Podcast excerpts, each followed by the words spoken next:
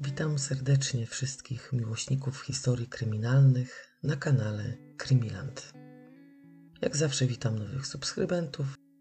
Bardzo się cieszę, że tu jesteście i dziękuję za Wasze wszystkie komentarze. Znajoma poprosiła mnie o wsparcie dla Pawła Pradyszczuka. Dlatego z tego miejsca proszę Was o pomoc i wsparcie dla chłopaka, który zbiera na nowy wózek. Jego historię możecie przeczytać w linku, który zostanie umieszczony pod filmem. Każda pomoc jest ważna i na wagę złota. Udostępniając link również pomagacie. Pod filmem znajdziecie także linki, które przekierują Was do wybranych przez Was platform podcastowych. Ponownie zachęcam Was do odwiedzenia fanpage'a na Facebooku, który został stworzony z myślą o Was i dla Was. Tam będziecie mieli na bieżąco udostępniane nowe odcinki ulubionych, znanych i być może nieznanych twórców True Crime. Link do strony znajdziecie oczywiście również pod filmem. Zapraszam na kolejny odcinek z serii Historie kryminalne z niemieckich landów.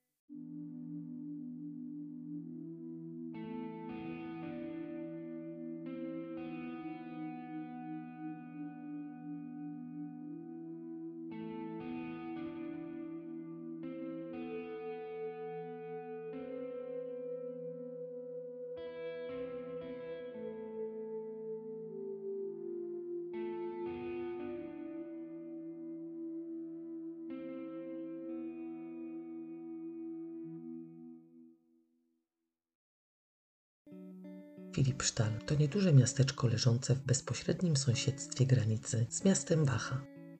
Granica oczywiście oddziela RFN od NRD, a Filipsztal leży po tej dobrej stronie, w kierunku której z utęsknieniem patrzą mieszkańcy Wacha. Wielu próbuje desperacko dostać się na tę stronę Niemiec, gdzie panuje prawdziwa demokracja i wolność. Wśród uciekinierów są nawet żołnierze. Wielu jednak zostaje podczas tych ucieczek zastrzelonych. Największym chyba absurdem podziału Niemiec jest granica, która przebiega przez środek domu Hosfeldów. Akurat w tej części domu, stojącej po stronie NRD i należącej do NRD, mieściła się drukarnia, która z sukcesem do 1945 roku drukowała regionalną prasę. W Sylwestra z 1951 na 1952 roku Maszyny drukarskie zostały sprowadzone z powrotem do heskiej części budynku względu na ryzyko wywłaszczenia, a następnie zamurowano wewnętrzne drzwi łączące część mieszkalną z drukarnią. NRD oczywiście odmawia właścicielowi dostępu do tej połowy domu i nie pozwala na przeprowadzenie remontów i pilnych napraw. Wiadomo, o dom trzeba dbać, więc nawet elewacja nie może przez właścicieli zostać pomalowana. Jednak w wyniku przeprowadzonych pertraktacji Wspólnej Komisji Granicznej część domu należąca do NRD wróciła do pani Hosfeld 1 stycznia 1976 roku.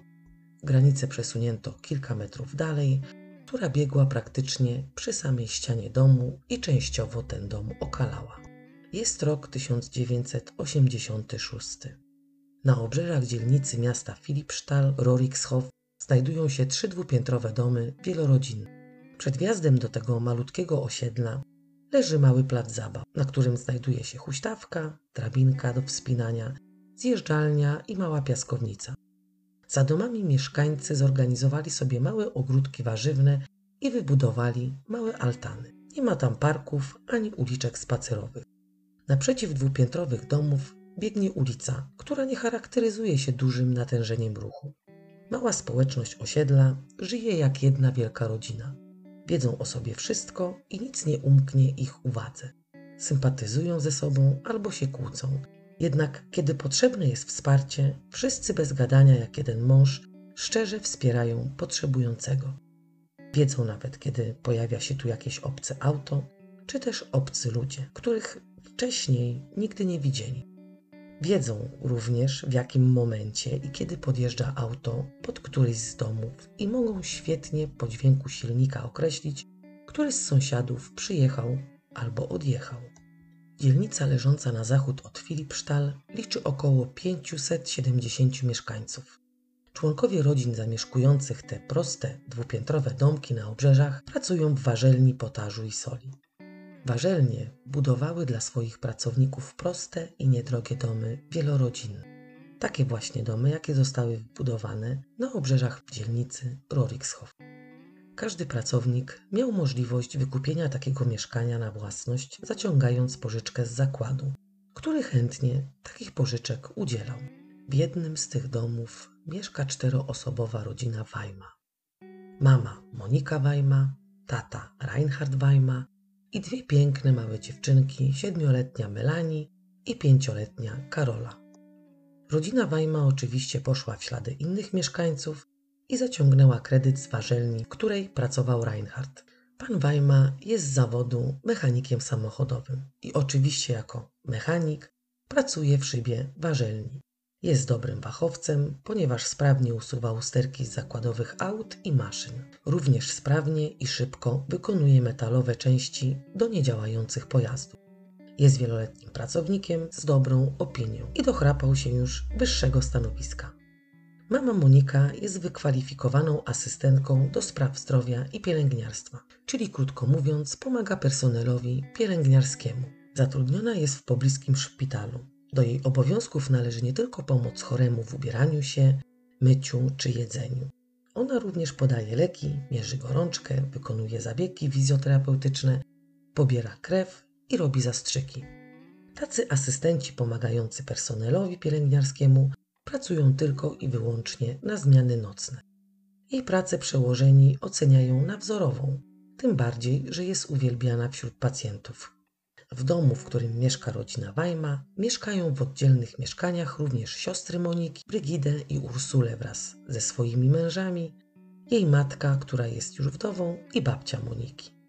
Można powiedzieć, że prawie wszystkie mieszkania znajdujące się w domu były zajęte przez jej najbliższą rodzinę. Monika swojego męża poznała w 1977 roku, a rok później się pobrali. Czy to była wielka miłość? Dziś Monika sama przyznaje, że wyszła za Reinharda tylko dlatego, że obawiała się staropanieństwa.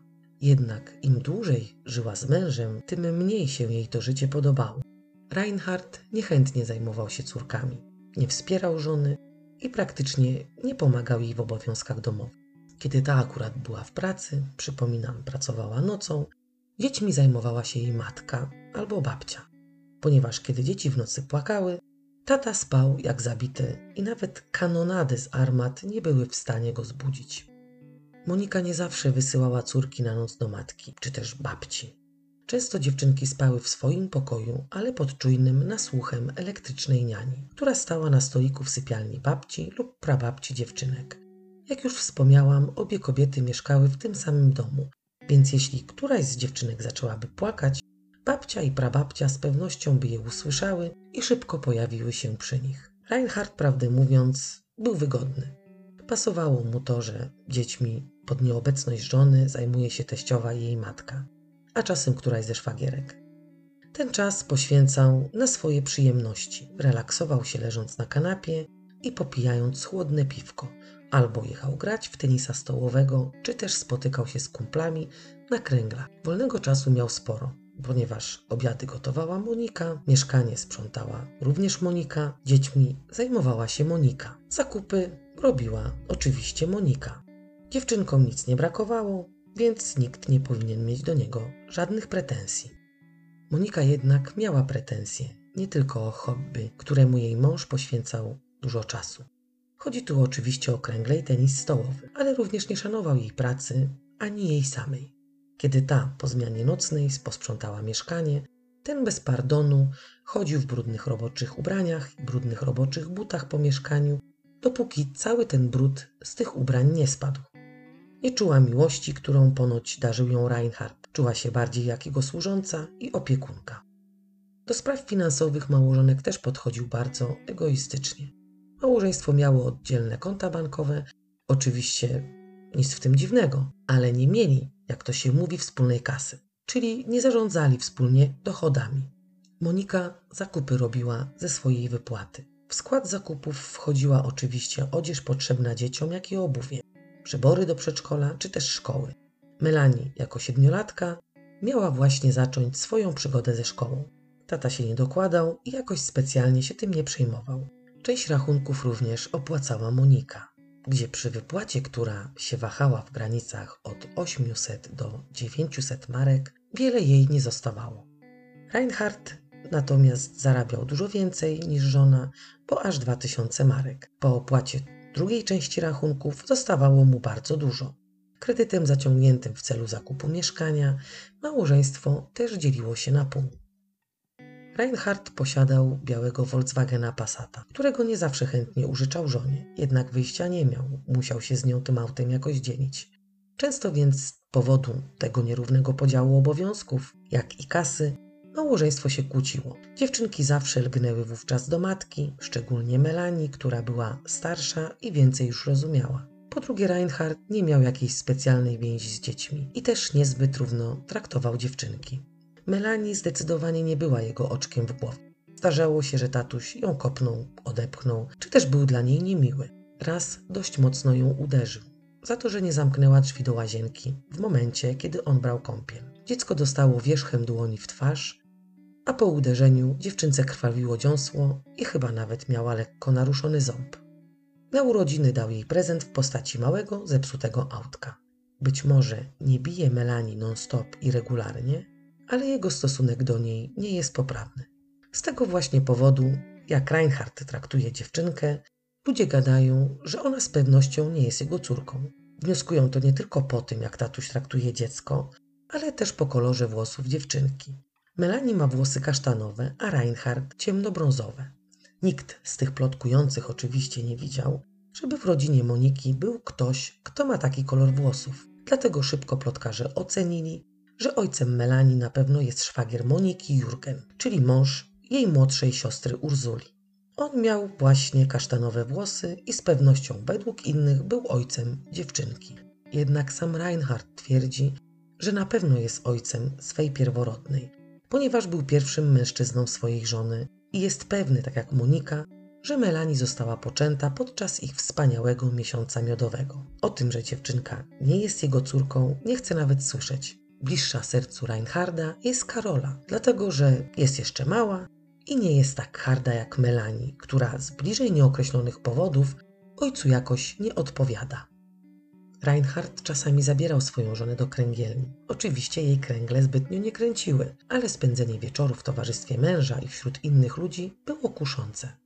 Tam kobieta poznała pana H., który, jak się okazało, też nie był zbyt szczęśliwy w swoim związku. Romans trwał krótko, ponieważ przebiegła żona pana H. podsłuchiwała jego rozmowy, aż w końcu zażądała wyjaśnień. Mężczyzna początkowo wszystkiego się wyparł, jednak przebiegła żonka, wzięła go w krzyżowy ogień pytań i przyparła do muru. Wówczas ten wyjawił żonie, że ją zdradza, ale zapewnił swą połowicę, że to nie jest nic poważnego. Dla niego była to tylko nic nieznacząca przygoda. Oczywiście przysięgał zakończyć związek. Ta niestety nieugięta zażądała od męża zorganizowania spotkania z Moniką w celu konfrontacji. Oczywiście, jeśli takiego spotkania nie udałoby się mężowi zorganizować, kobieta wówczas zażąda rozwodu. Spotkanie się odbyło. Monika była zażenowana, a nieszczęśliwy i niewierny małożonek stał się nagle szczęśliwy, wrócił na łono rodziny i w objęcia żony. Reinhardt o niczym nie miał pojęcia, ponieważ nawet po konfrontacji nikt nie doniósł mu, że Monika szuka pocieszenia w ramionach innego. W miasteczku Bad Hersfeld, oddalonym od miejsca zamieszkania Moniki o 24 km, w koszarach po byłym Wehrmachcie od 1945 roku stacjonują amerykańscy żołnierze. Na południe od koszar została wybudowana mała wioseczka McPeters Village, która była przeznaczona tylko i wyłącznie dla żołnierzy amerykańskich i ich rodzin. Bo każdy żołnierz mógł zabrać ze sobą żonę, jeśli taką posiadał, i dzieci, jeśli je z tą żoną miał. W takich wioseczkach są szkoły amerykańskie, sale klubowe, obiekty sportowe, centra handlowe, oczywiście nie jakichś tam gigantycznych rozmiarów, banki, poczty oraz kino, walutą, którą się tam obraca, jest oczywiście dolar. Ogólnie życie stacjonujących amerykańskich żołnierzy w takich amerykańskich koszarach w Niemczech toczy się swoim amerykańskim rytmem. Cała wioska łącznie z koszarami otoczone są oczywiście murem. Starsza siostra Moniki Brygide również nie była szczęśliwa w swoim związku. Często wychodziła wieczorami na potańcówki organizowane w Music Paradise w Bad Hersfeld. Któregoś pięknego kwietniowego wieczoru 1986 roku zabrała na taką potańcówkę Monikę. Chciała, żeby siostra się trochę oderwała od codzienności i zapomniała o nieszczęśliwym związku. Kobiety podekscytowane, zrobione nabóstwa, znalazły się wśród rozbawionych ludzi. W pewnym momencie do stolika sióstr dosiada się przystojny, czarujący i romantyczny Kevin Pratt, któremu w oko akurat wpadła Monika. Resztę wieczoru nie odrywali od siebie wzroku.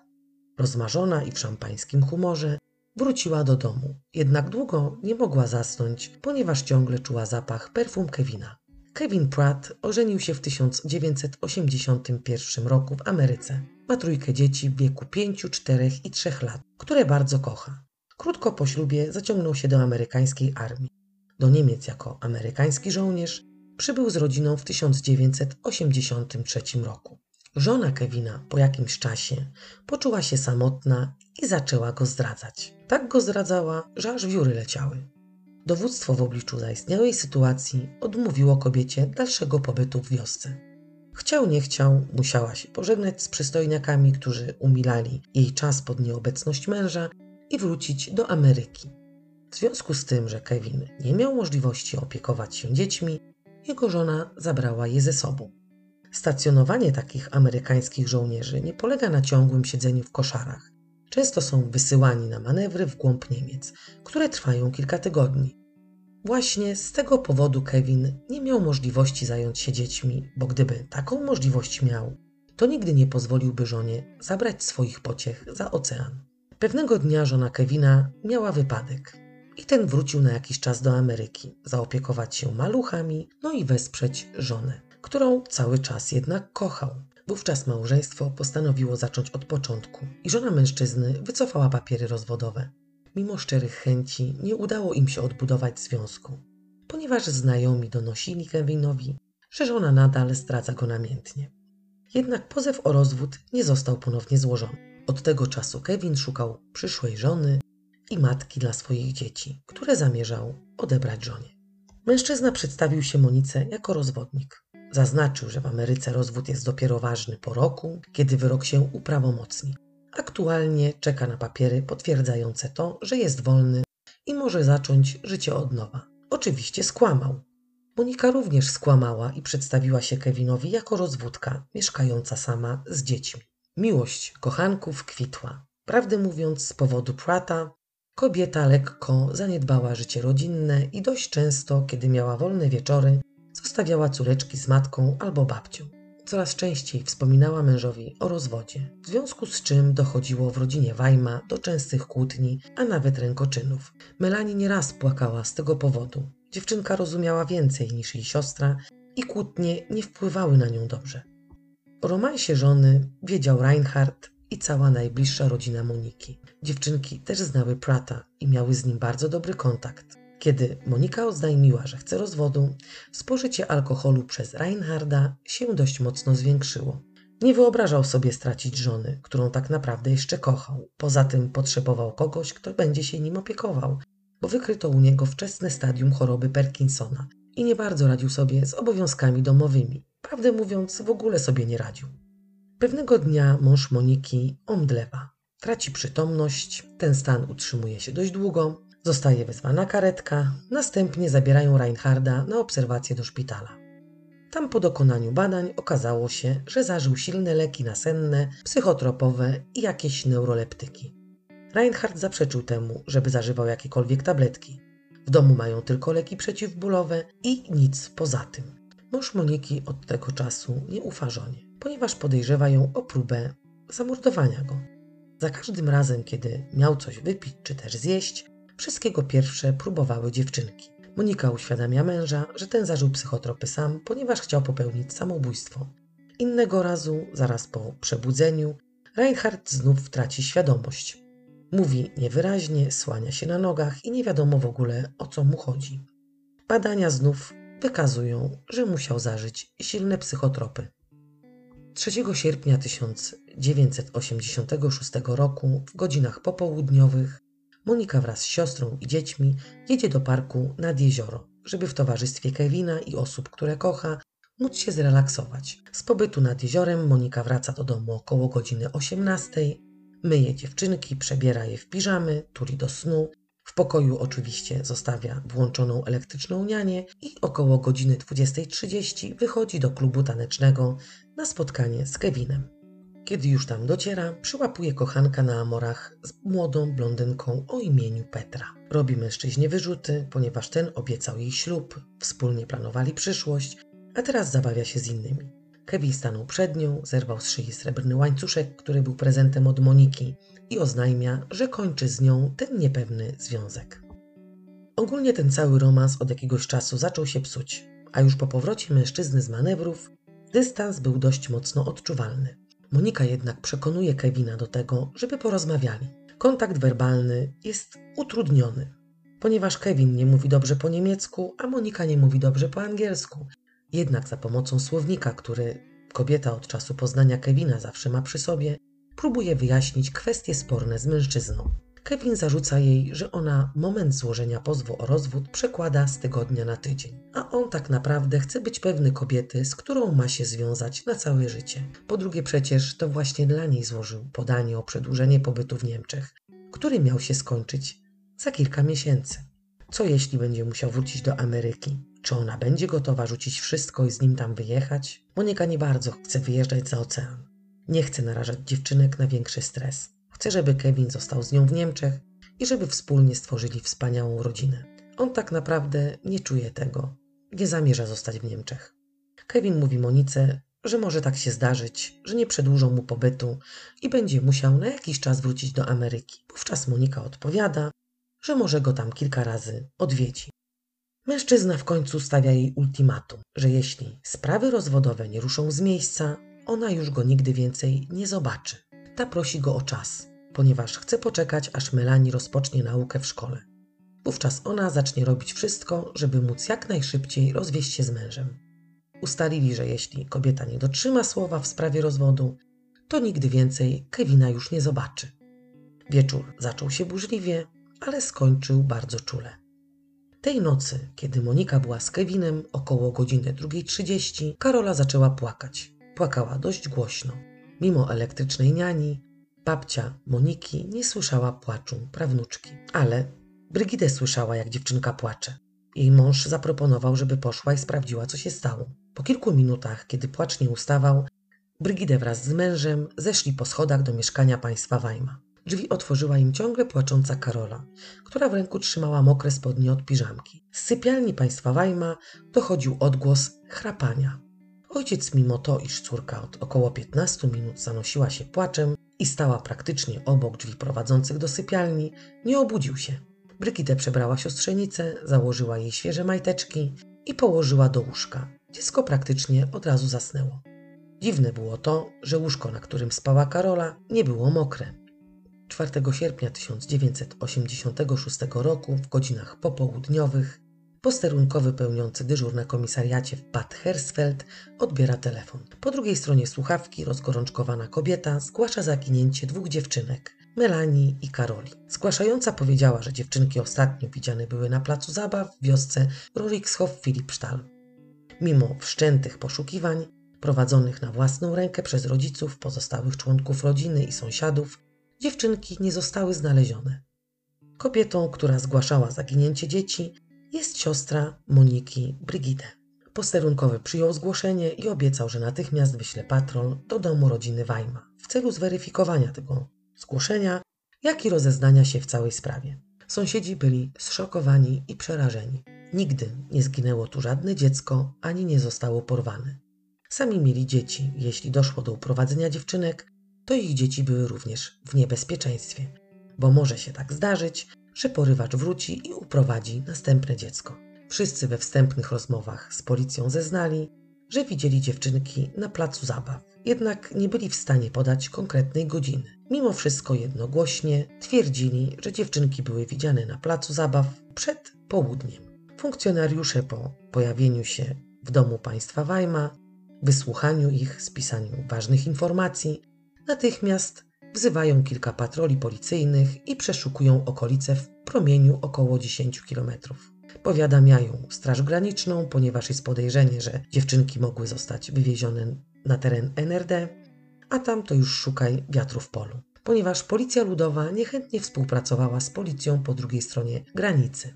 Poza tym granica znajduje się zaledwie kilka kilometrów od osiedla, w którym mieszka rodzina Wajma, więc dla potencjalnego porywacza ucieczka przez granicę i ukrycie się po drugiej stronie z porwanymi dziećmi było kuszącym wyborem.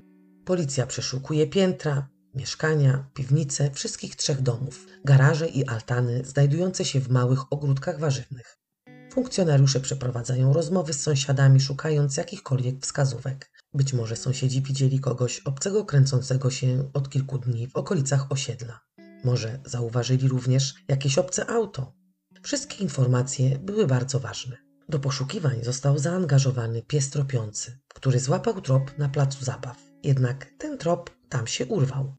Później spróbowano raz jeszcze. Dano psu do powąchania ubranka dziewczynek i pies zaprowadził policję do pobliskiego gołębnika. Stamtąd poprowadził ich do drogi, tam ślad znów się urwał. Monika opowiada funkcjonariuszom, że dziewczynki tego dnia wstały około 9.30, zjadły śniadanie, ubrały się i przez jakiś czas siedziały w domu.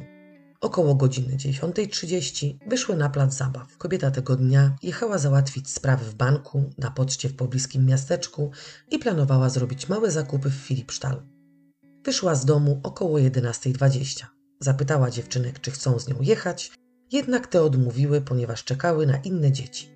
Reinhardt w momencie wyjścia kobiety z domu i w czasie przebywania dziewczynek na placu zabaw spał. Pani Wajma pojechała na pocztę, zrobiła przelew w wysokości 158 marek do Otto, przeprowadziła krótką rozmowę ze znajomym, który tam pracuje, poszła do banku i zdeponowała 1000 marek na prośbę matki. Później zrobiła zakupy w Filipsztal, opisała dokładnie co kupiła i około 12.40, może kilka minut wcześniej, była już w domu. Wjeżdżając na osiedle nie zauważyła dzieci na placu zabaw. Nie zaniepokoiło jej to, ponieważ mogły być już w domu. Kiedy weszła do domu, Reinhardt już nie spał i leżał na kanapie. Jednak córek nie było. Zapytała męża, czy dziewczynki były w domu. Ten zaprzeczył, ponieważ kilka minut przed jej powrotem dopiero wstał. Otworzyła okno, wyjrzała przez nie i kilka razy zawołała Melanie i Karolę. Kiedy te po jakimś czasie nie wróciły i nie było żadnej reakcji z okien mieszkań sąsiadów, bo zawsze kiedy dziewczynki były u którejś cioć, babci, czy też odwiedzały inne dziecko, ktoś zawsze z okna odpowiadał, że dziewczynki są właśnie u tego kogoś. Zaczęła przygotowywać obiad i powiedziała mężowi, żeby ten poszedł po dzieci na plac zabaw. Podczas rozmowy z policjantem niespodziewanie przypomina sobie, że kiedy wracała do domu, przednia szyba w jej aucie została uszkodzona. Do uszkodzenia doszło w momencie, kiedy jej auto wyprzedzała ciężarówka, z której spadł kamień właśnie na przednią szybę auta. Po uderzeniu kamienia na przedniej szybie pojawiła się charakterystyczna pajęczyna. Nie zapamiętała ani nie rozpoznała tablicy rejestracyjnej wyprzedzającej jej auto ciężarówki. Kiedy jej mąż wysłany przez nią na plac zabaw wrócił z poszukiwań i oznajmił, że nie wie nie ma pojęcia, gdzie są dzieci, ta poszła do prababci na drugie piętro i spytała, czy przypadkiem Melanie i Karola nie były u niej i czy może kobieta wie, gdzie są jej prawnuczki. Kiedy babcia zaprzeczyła, Monika wraz z Reinhardem przeszli się od mieszkania do mieszkania, pytając o dzieci. Do poszukiwań włączyła się pozostała rodzina Moniki, jak i sąsiedzi. Przeszukano cały okoliczny teren. W międzyczasie przyjechał brat Reinharda, który zabrał go do Filipsztal i tam również przeszukali okolice. Następnie pojechali do teściów Moniki, którzy mieszkali w pobliskiej wsi, w celu sprawdzenia, czy dziewczynki nie postanowiły urządzić sobie wycieczki do dziadków. U rodziców Reinharda, Melanie i Karoli również nie było. Kiedy poszukiwania nie przyniosły żadnego rezultatu, Brygidę zadzwoniła na policję ponieważ Monika była cała roztrzęsiona i nie była w stanie nawet rozmawiać. Do przyjazdu policji wszyscy siedzieli w domu i w nadziei liczyli na to, że dziewczynki wrócą. Wiadomo, w takich sytuacjach policja pyta zawsze o to, czy w rodzinie nie ma żadnych problemów, ponieważ mimo to, iż dziewczynki są malutkie, mogły postanowić uciec z domu właśnie z powodu problemów, jakie mogły mieć miejsce w rodzinie. Kobieta bezemocjonalnie i krótko odpowiada, że jej małżeństwo istnieje tylko na papierze. Aktualnie ma kogoś, a ten ktoś jest amerykańskim żołnierzem stacjonującym w Bad Hersfeld. Reinhardt osobiście nie miał pojęcia o tym, że żona miała tego dnia załatwić sprawy na poczcie i w banku. ale według tego, co mówi, kiedy wstał, Moniki i dzieci nie było w domu. Reinhard ogólnie był przejęty, tak jak Monika oczywiście, ponieważ dziewczynki nigdy bez pytania nie oddalały się z placu zabaw, ani nigdy bez pytania nie wychodziły z domu. Powiedział policjantom o problemie rodzinnym, jakim jest zbliżający się nieuchronnie rozwój. Dodał jeszcze, że on tak naprawdę nie wie, czy to właśnie żona przypadkiem córek mu przed rozwodem nie zabrała i gdzieś nie ukryła, ale po krótkim namyśle stwierdza, że on tak naprawdę nie wierzy w to, żeby Monika była tak perfidna i zabrała dzieci. Według mężczyzny dziewczynki na pewno zauważyły, że mama i tata już się nie rozumieją tak jak kiedyś. Melanie była starsza i z pewnością rozumiała więcej niż Karola. Jednak nie wierzy w to, żeby córki mogły uciec z domu, bo żadna tragedia się w domu nie działa. No i dokąd miałyby niby uciec takie małe dzieci? Jak się pewnie domyślacie, dziewczynek nie odnaleziono. Tego samego dnia poproszono rodziców o aktualne zdjęcia ich córek. Monika spośród czterech albumów rodzinnych wybrała jeden i wyciągnęła z nich zdjęcie dzieci, kiedy te były jeszcze małe. Policjant popatrzył na zdjęcia i zapytał, czy nie mają jakichś najbardziej aktualnych fotografii. Jednak Monika oznajmiła krótko, że to jedyne zdjęcia, jakie posiadają. Ojciec dziewczynek zaprzeczył. Wywiązała się mała sprzeczka między małżeństwem, ponieważ on uważał, że babcia Moniki ma zdjęcia dzieci. Jednak ta uparcie twierdziła, że babcia takich zdjęć nie posiada. Mężczyzna się zdenerwował, poszedł do babci Moniki i przyniósł aktualne fotografie Melanii i Karoli. Poproszono matkę, żeby szczegółowo opisała, w co były ubrane dziewczynki, ile mają wzrostu, jakie są postury, jaki mają kolor włosów oraz znaki szczególne, jeśli takie posiadają. Melanie według opisu matki ma 140 cm wzrostu, waży 35 kg, na prawym przedramieniu ma 4 cm bliznę, kasztanowe kręcone włosy i przekute uszy. Ubrana tego dnia była w rajstopy, białą koszulkę z napisem Bayern München mit Fußball, czerwone bawełniane shorty z napisem Sport i wsuniętym w szlufki spodenek czerwonym paskiem, żółte skarpetki i białe sandałki w rozmiarze 32.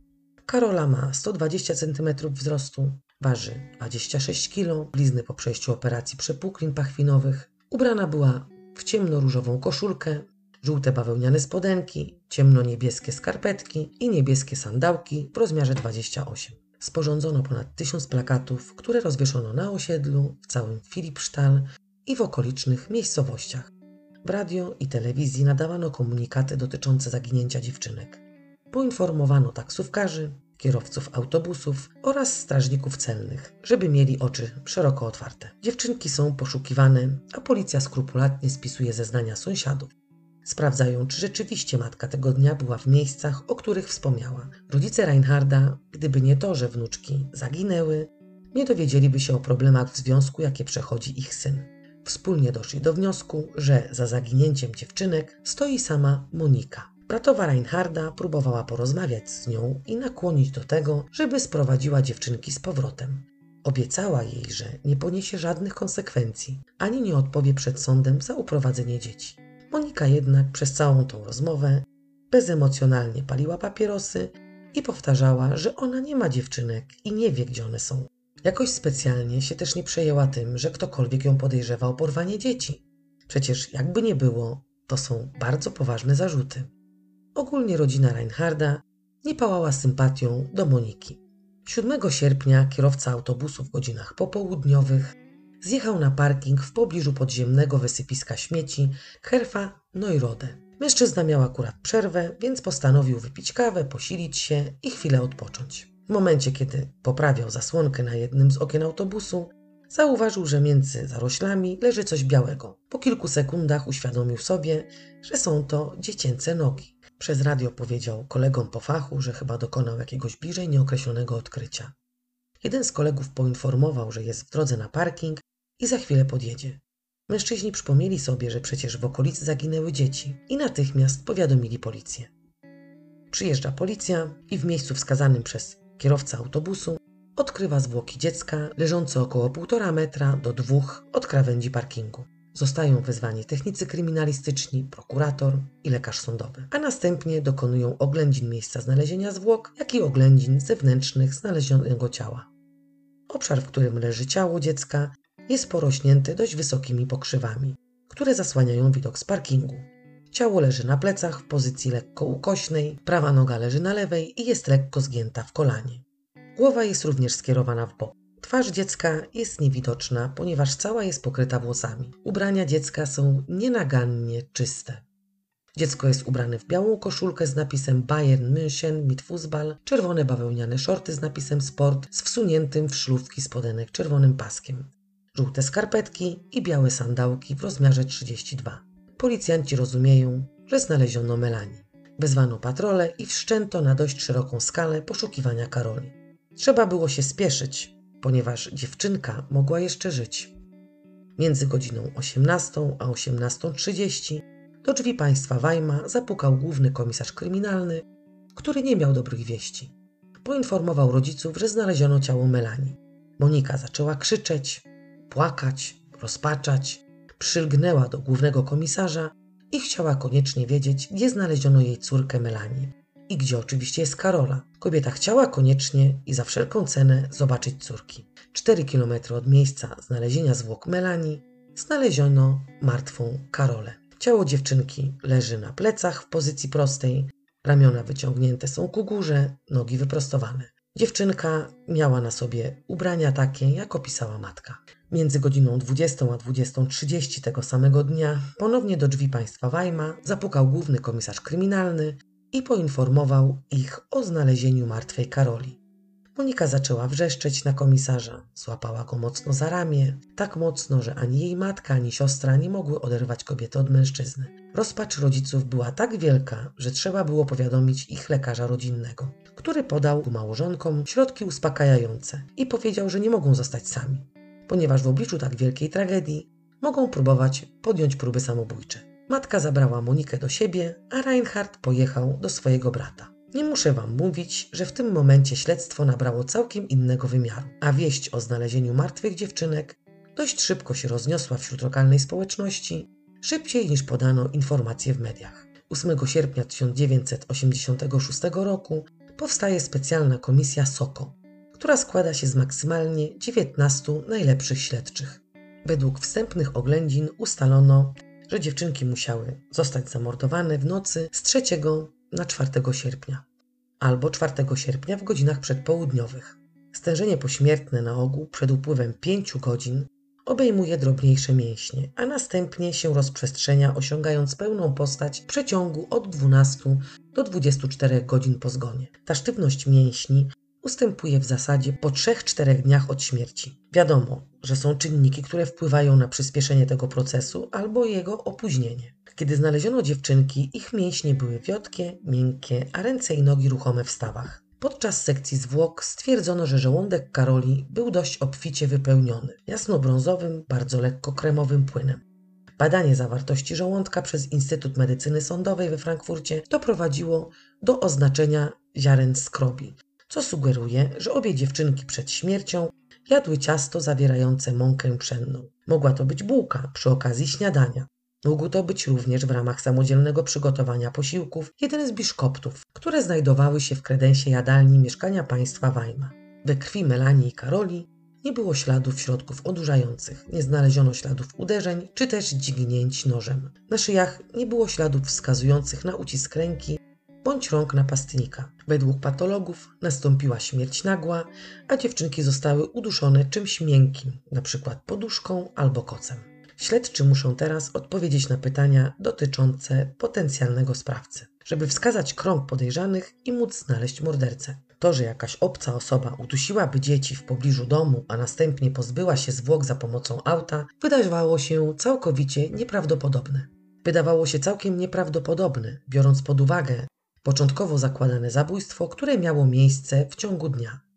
Jeśli dzieci nie zostały zabite w bezpośrednim sąsiedztwie domu, ale w jednym z dwóch miejsc, w którym znaleziono zwłoki, dziewczynki musiały zatem wsiąść do samochodu sprawcy, co z kolei mogło nastąpić w momencie, kiedy dzieci znałyby sprawcę. Więc jeśli sprawca pochodził z osobistego otoczenia dziewczynek, śledczy zaczęli filtrować osoby, które mogłyby zostać uznane za sprawców. Żaden z krewnych dzieci mieszkających w pobliżu, a już na pewno nie sąsiedzi z dwóch sąsiednich domów, nie mieli żadnego motywu. Po przefiltrowaniu wszystkich osób zostały dwie, które mogłyby mieć motyw. Byli nimi rodzice dziewczynek. Monika Wajma, która ma romans z Kevinem, a dzieci mogły stać jemu albo Monice na przeszkodzie, żeby rozpocząć wspólne szczęśliwe życie, oraz Reinhard Weima, który mógł z zazdrości i obawy przed utratą dzieci dokonać zbrodni. W związku z tym rodzice dziewczynek otrzymują status głównych podejrzanych. To, że Melanie i Karola były widziane na placu zabaw, stoi aktualnie pod wielkim znakiem zapytania. Po drugie, w przypadku uduszenia następuje samoistnie oddanie moczu i kału, a jak już wcześniej wspomniałam, ubrania dziewczynek były nieskazitelnie czyste. Z tego powodu istnieje podejrzenie, że musiały zostać przebrane na miejscu zbrodni. Kevin Pratt wspiera Monikę jak może, dzwoni do niej dość często i pociesza. Na pogrzebie, który odbył się 11 sierpnia, nie stał jednak u jej boku. Wspierał ją jej szwagier, ten, którego ludzie podejrzewają o bycie ojcem Melanie, ponieważ sam Reinhardt nie był w stanie wesprzeć żony. Na pogrzeb przybyło ponad 500 osób. Wszyscy chcieli pożegnać dziewczynki. Nie możemy zapomnieć o tym, że śledczy z Soko również byli na uroczystości pogrzebowej i bacznie obserwowali wszystkich, którzy się tam pojawili. Ludzie byli oburzeni tym, że Monika jakoś niespecjalnie przeżywa śmierć dziewczynek. Chodziła na masaż, była u fryzjera. Zaraz po przekazaniu małżeństwu Weima wiadomości o znalezieniu ciała Melanii, powiedziała Reinhardowi, że trzeba zadzwonić do firmy, w której małżeństwo ubezpieczyło dzieci. Jeszcze przed pogrzebem dziewczynek sama zadzwoniła do agencji ubezpieczeniowej dowiedzieć się, co trzeba podpisać, ile pieniędzy dostanie oraz jakie dokumenty trzeba w ogóle przedłożyć. Zdziwiła się bardzo, kiedy okazało się, że nie było to ubezpieczenie na życie, jak kobieta błędnie założyła. Była to polisa ubezpieczeniowa, w ramach której każde z dzieci otrzymywało 15 tysięcy marek po ślubie bądź po ukończeniu 25 lat. Monika Wajma błędnie uważała, że w przypadku nagłej śmierci bądź kalectwa suma ubezpieczenia ulegnie podwojeniu. Kiedy zadzwoniła do agenta ubezpieczeniowego, wyjaśnił Monice, że w przypadku śmierci ich dzieci Zostanie im wypłacone 5 tysięcy marek na jedno dziecko, czyli w sumie 10 tysięcy.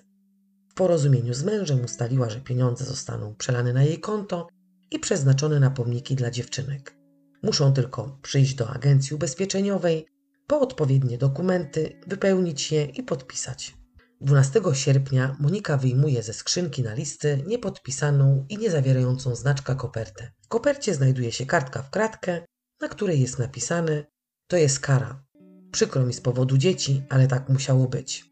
Oczywiście przekazała list policji. Ludzie gadają, że Kevin to babiarz i już nie jednej się oświadczył, że pewnie Moniką chce się tylko zabawić. Mężczyzna oczywiście nie zaprzecza. Miał jakieś związki, a kobiety same jakoś tak legnęły do niego. Było ich kilka i nawet jednej się oświadczył.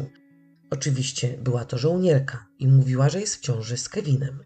Jednak ten dowiedział się, kiedy już kupił obrączki, że kobieta jest w ciąży z innym mężczyzną. Między każdym związkiem była króciutka przerwa. Wyglądało to tak, że mężczyzna kończył jeden związek i szybko zaczynał następny, będąc oczywiście zakochany po uszy w każdej nowo poznanej kobiecie. Jednocześnie kochał wszystkie swoje byłe kobiety. Podobnie było z Krystyną, którą przy każdej możliwej okazji, kiedy się spotykali, Chciał oczywiście całować i przytulać lub proponował jej rozpoczęcie od początku. Chociaż u jego boku była już inna, w tym przypadku Monika. Oczywiście cały czas twierdzi, że najbardziej kocha Monikę i myśli o niej poważnie. Planują wspólnie spłodzić dziecko, kiedy tylko kobieta się rozwiedzie. Jak już wspomniałam, z powodu wielkiej miłości złożył nawet podanie do szefa o przedłużenie pobytu w Niemczech. Na przesłuchaniu jednak policjanci uświadamiają go, że skontaktowali się z jego przełożonym, a ten nic nie wie o żadnym podaniu, wniosku czy też prośbie, którą miał niby Kevin złożyć w celu przedłużenia pobytu. Mężczyzna powiedział, że rzeczywiście żadnego wniosku nie składał, bo prawdopodobnie było i tak już za późno, a prośba nie zostałaby rozpatrzona.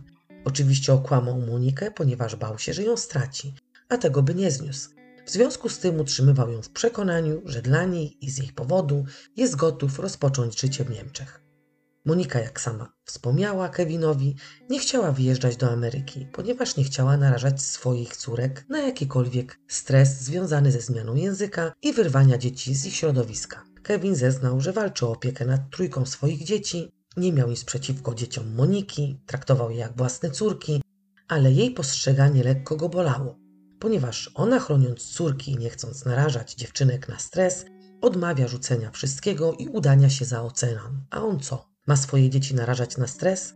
Ściąga cię tutaj, wyrywa cię ze swojego środowiska. Przecież jego dzieci też nie mówią po niemiecku. Także Kevin, mimo to, że nie powiedział tego wprost Monice, także Kevin, mimo to, że nie powiedział tego wprost Monice, chciał kobiety konkretnej, która bez wahania podejmie decyzję, rzuci wszystko, nie odwracając się za siebie i wyjedzie z nim do Ameryki.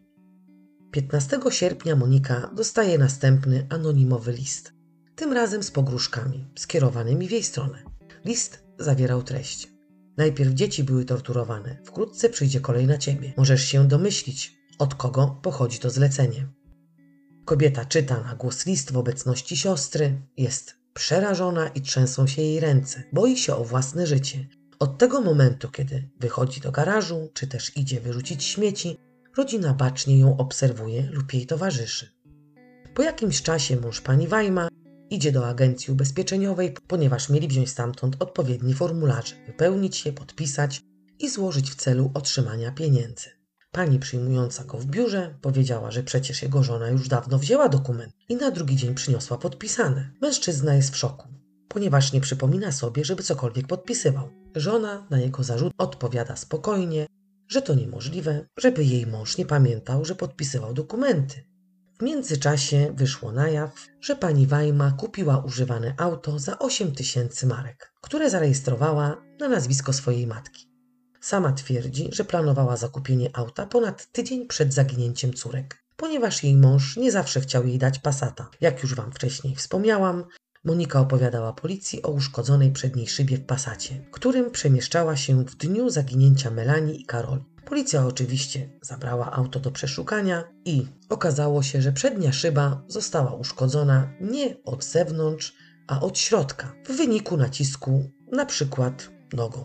Kiedy pewien motocyklista dowiedział się, jak wygląda auto państwa Weimar, uświadomił sobie, że właśnie to auto widział 4 sierpnia kilka metrów dalej od miejsca, gdzie znaleziono Melanie. Oczywiście zgłosił wszystko na policję, podając dokładnie czas. Dobrze to pamięta, ponieważ jechał na umówioną wizytę do dentysty. Auto było widziane 3 minuty po 11 i o 11.20, kiedy ten sam motocyklista wracał do domu. Dentysta potwierdził obecność świadka 4 sierpnia w gabinecie i określił, w jakich godzinach był u niego pacjent. Motocyklista oczywiście nie widział kierowcy ani pasażera, więc nie mógł określić, kto siedział w aucie. Jednak był na 100% pewny, że widział auto państwa Weimar. Poza tym zgłosiło się jeszcze dwóch świadków, którzy w godzinach, kiedy Monika powinna robić małe zakupy w Philipsthal, czyli po załatwieniu spraw w banku i na poczcie, widzieli Passata, który należał do małżeństwa Weimar. Ci akurat znali dobrze to auto i stwierdzili, że prowadzić musiała Monika, ponieważ auto jechało dość szybko, a tylko ona była znana z tego, że nigdy nie przykładała wagi do ograniczeń prędkości.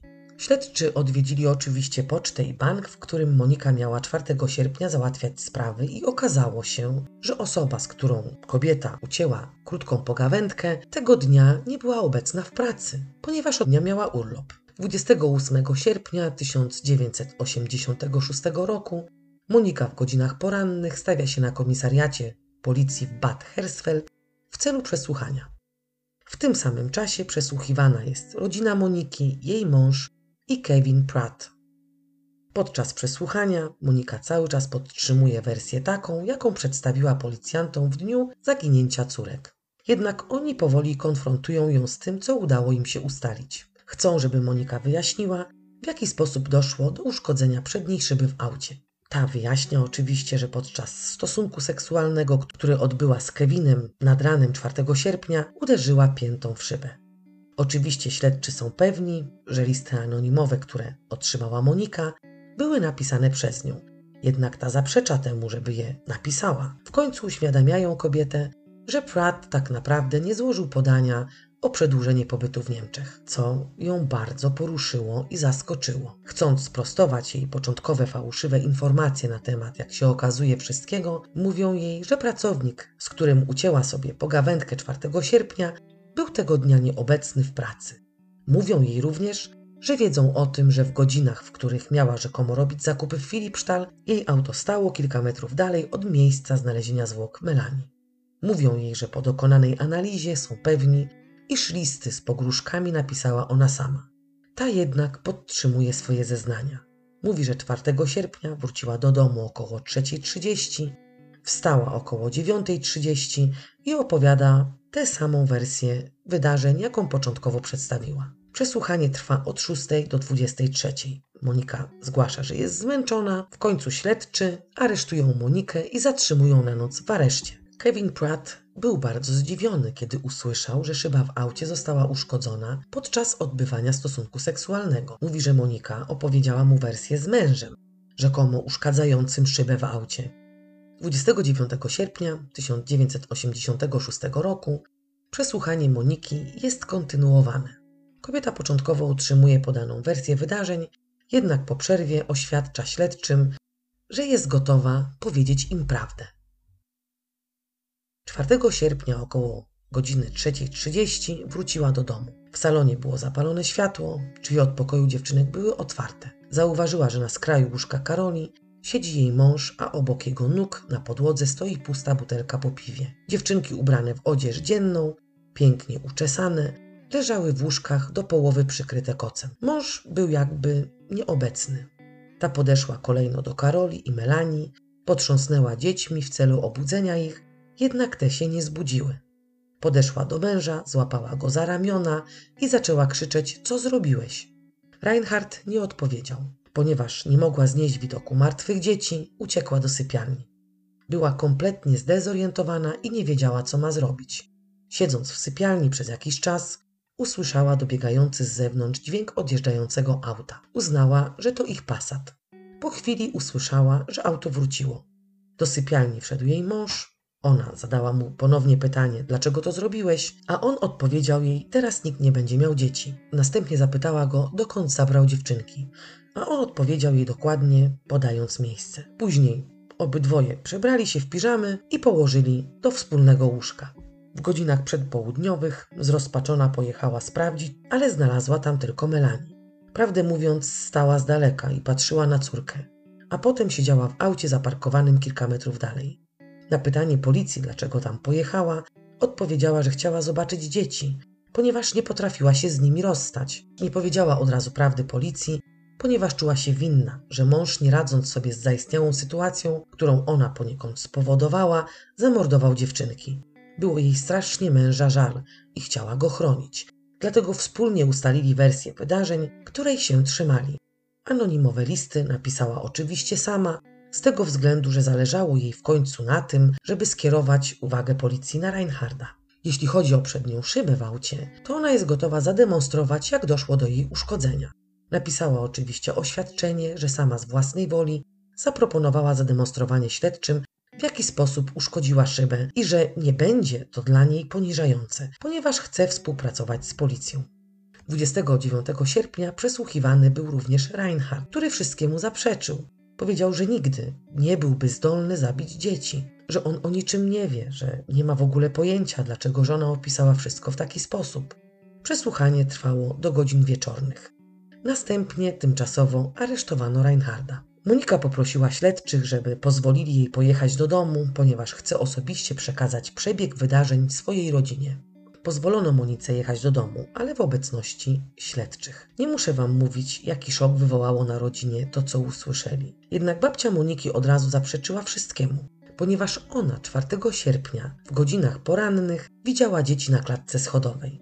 Monika próbowała uświadomić babci, że musiały się jej pomylić dni, ponieważ dzieci już w godzinach rannych 4 sierpnia nie żyły i babcia nie mogła ich widzieć. Następnie z powodu braku wystarczających dowodów o godzinie 22-29 sierpnia Monika zostaje zwolniona z aresztu. 30 sierpnia podczas dalszego przesłuchania Reinharda mężczyzna cały czas twierdzi, że nie przypomina sobie, by mógł zamordować dzieci. Wstał przed przyjściem żony, która wróciła i była bardzo podekscytowana tym, że z wyprzedzającej jej ciężarówki spadł kamień i uszkodził przednią szybę w aucie. Poza tym on nigdy nie pił piwa w dziecięcym pokoju. Cały czas powtarzał, że żona kłamie, że nie wspomniała mu o tym, że była na parkingu 4 sierpnia sprawdzić, czy tam są ciała dzieci. Ciągle mówił i powtarzał, że jest niewinny, że nawet w momentach tych jego osłabień nie byłby w stanie czegoś takiego dokonać.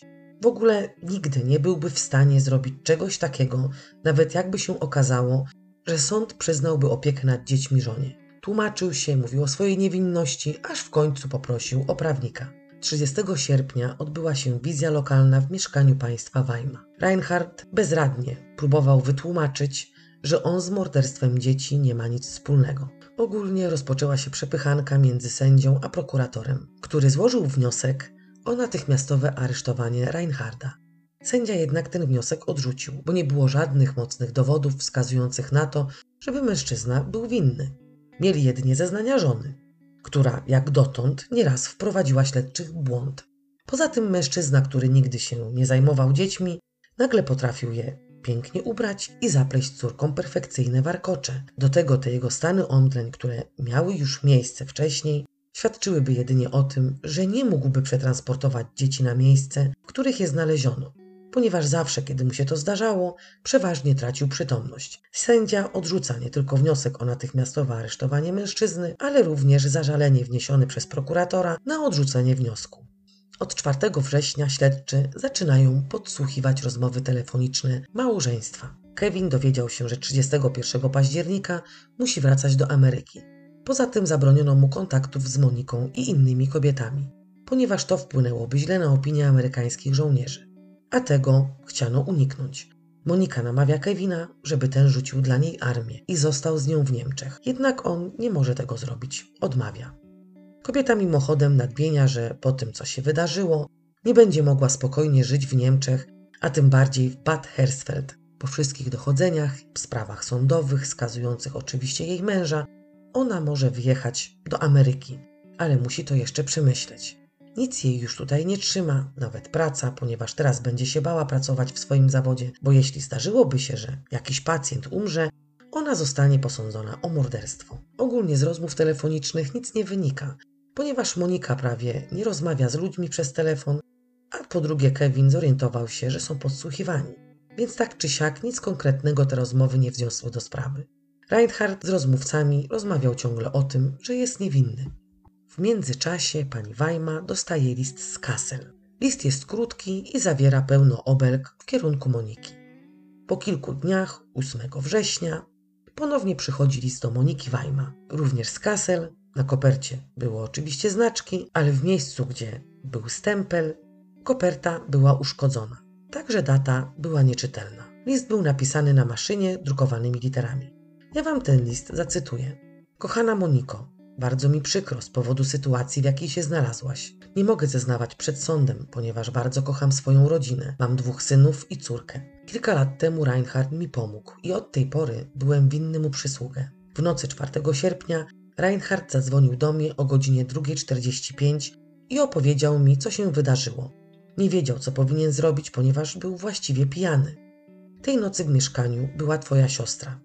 Pomogłem Reinhardowi przy ubieraniu dzieci i czesaniu. Byłem w waszym domu, kiedy wróciłaś nad ranem. Schowałem się w salonie. Słyszałem, jak płakałaś w sypialni. Reinhard wtedy siedział jeszcze oszołomiony w pokoju dziecięcym. Następnie wzięliśmy dzieci do auta i odjechaliśmy. Proszę, nie mów policji, ponieważ nie wiem, jak Reinhardt zareaguje. Ja wiem, że ty jesteś niewinna. Jeszcze raz proszę, nie mów nikomu o tym liście. Podpisano dobry znajomy. Monika oczywiście przekazuje list policji. Później babcia Moniki odwołuje zeznania, w których powiedziała, że widziała dziewczynki 4 sierpnia na klatce schojdowej. Jak sama stwierdziła, musiały się jej po prostu pomylić dni. Śledczy podejrzewają, że ostatni list, jaki otrzymała Monika, mógł być napisany również przez nią samą, Maszyny do pisania posiadały jej siostry, a poza tym wszystkie kobiety swego czasu odbyły kurs pisania na maszynie. Szwagier Moniki Jurgen przeprowadził swoje małe dochodzenie. Wypytał listonosza, czy tego dnia przynosił listy do rodziny Wajma. Listonosz był pewny, że tego dnia żadnych listów do Moniki nie było. Od czasu zaginięcia dzieci zwracał szczególną uwagę na to, czy ma pocztę dla małżeństwa Wajma. Cztery osoby twierdzą i są pewne, że widziały 4 sierpnia Melanie i Karole na placu zabaw. Są gotowe przysiąc, że były to córki Moniki.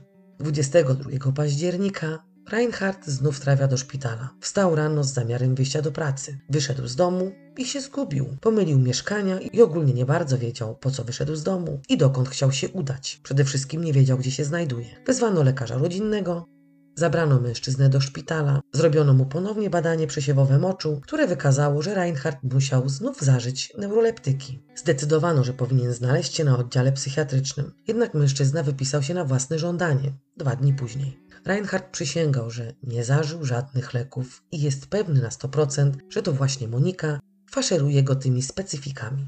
Ta znów uświadamia męża, że sam zażył leki, żeby wywołać współczucie, albo chciał może popełnić samobójstwo. Według analizy włókien, jakie znaleziono na ubraniach Melanii i Karoli, okazało się, że były to włókna pochodzące z bluzki Moniki, w którą była ubrana 4 sierpnia. Na ubraniach dziewczynek znaleziono również włókna z pokrowców, które znajdowały się na siedzeniach w samochodzie państwa Weimar. Melanie miała we włosach, na bluzce, wewnętrznej stronie spodenek i wewnętrznej stronie majtek owoce łopianu, tak zwane rzepy. Owoce łopianu przykleiły się również do skarpet Karoli. W zielonym obszarze domu, przy ulicy oraz w drodze do miejsca, gdzie znajduje się gołębnik, a tym samym w pobliżu placu zabaw, rośnie tego bardzo dużo. Na spodenkach i bluzce Melanii znajdowały się między innymi rzepy, do których przyklejone były włókna pochodzące z bluzki Moniki, co sugeruje, że Monika musiała mieć kontakt z ubraniami dzieci, kiedy te już nie żyły. Dziewczynki według zawartości ich żołądków musiały zginąć godzinę po posiłku, więc nie zgadzało się to z wersją, jaką przedstawiła Monika. 27 października Monika Wajma jest ponownie aresztowana i przesłuchana. Tym razem Monika zeznaje, że tak naprawdę to ona widziała bardzo dobrze, w co ubrane były dziewczynki. Jeśli chodzi o włókna na ubraniach dzieci, to miała na to proste wytłumaczenie. Po prostu lubiła przytulać ubrania dziewczynek i wieczorem, kiedy przygotowywała dziewczynkom ubranka, przytuliła je mocno do swojej piersi i odłożyła na krzesło. Do czasu rozprawy nie wypuszczono jej już z aresztu.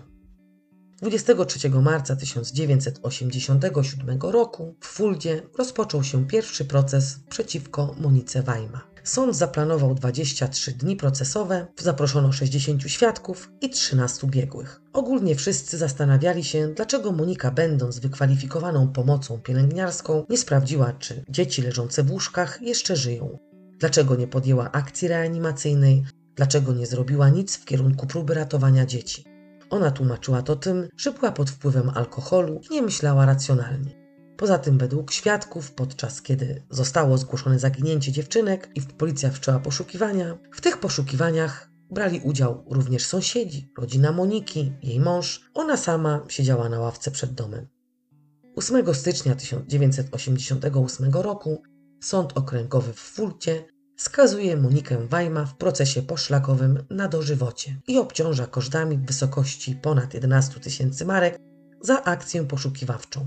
Następnie prosto z stali rozpraw Monika zostaje przewieziona do więzienia znajdującego się we Frankfurcie. W momencie, kiedy policjanci przeprowadzali Monikę przez dziedziniec sądu w Fuldzie, tłum gapiów krzyczał czarownica, nadchodzi świnia, morderczyni. Ludzie rzucili się wściekli na auto, którym była transportowana do więzienia. Krótko mówiąc, rozwścieczony i nienawidzący tłum chciał sam wymierzyć sprawiedliwość. Jednak byli też tacy, którzy stali po tej drugiej stronie barykady i wierzyli w niewinność Moniki. Protestowali i domagali się ponownej rozprawy. Według redaktorki Alice Schwarzer, proces, jaki się odbył, był procesem politycznym, a dokładniej rzecz ujmując, procesem polityczno-płciowym, ponieważ według nich Monikę osądzono już w chwili, kiedy dowiedziano się, że ta ma kochanka. Według mentalności wielu ludzi Monika powinna zajmować się domem i dziećmi, a nie wdawać się w romanse. Monika podczas pobytu w więzieniu rozwodzi się ze swoim mężem i przyjmuje panieńskie nazwisko Bycia. Cały czas twierdzi, że jest niewinna. Wraz ze swoimi adwokatami stara się zaskarżyć proces. 17 lutego 1989 roku Federalny Trybunał Sprawiedliwości odrzuca złożoną przez adwokata Moniki apelację. 2 maja oddalono również skargę złożoną do Federalnego Trybunału Konstytucyjnego. W międzyczasie pojawiło się czterech świadków, którym pośrednio bądź bezpośrednio Reinhardt przyznał się do zamordowania własnych dzieci. Jedna z kobiet, której Reinhardt przyznał się do popełnienia zbrodni i stwierdził, że niczego mu nie udowodnią, poczęstował ją kiedyś tabletką, twierdząc, że jest to środek przeciwbólowy. Kobieta po tabletce, jak sama twierdzi, odpłynęła. W związku z tym i z powodu popełnionych błędów podczas przeprowadzania analiz zawartości żołądka Melanii, akurat tą zawartość zgubiono jak i z lekceważenia sprawdzenia włókien z ubrań Reinharda, 4 grudnia 1995 roku Wyższy Sąd Okręgowy we Frankfurcie nad Menem nakazał wznowienie postępowania. 5 czerwca 1996 roku Monika Bycia ponownie staje przed sądem w Gizen. Wśród świadków pojawia się Kevin Pratt, przykuty do wózka inwalidzkiego z powodu ciężkiej choroby. Cały czas uważa, że Monika jest niewinna i nie mogłaby zabić dzieci. 24 kwietnia 1997 roku, po 55 dniach procesowych, kobieta zostaje uniewinniona. Sąd uznał, że ostatecznie nie można obalić wersji nocnej. Jest ona prawdopodobna. Przesłuchał świadków, którzy twierdzą, że Reinhardt przyznał im się do zabicia swoich córek. Były mąż Moniki od 1989 roku czasowo przebywa w szpitalu psychiatrycznym z powodu schizofrenii. Słyszał głosy i miał napady psychozy paranoidalnej, połączonej z halucynacjami oraz podejmował próby samobójcze. Stan jego umysłu w chwili śmierci córek jest przedmiotem wielu dyskusji.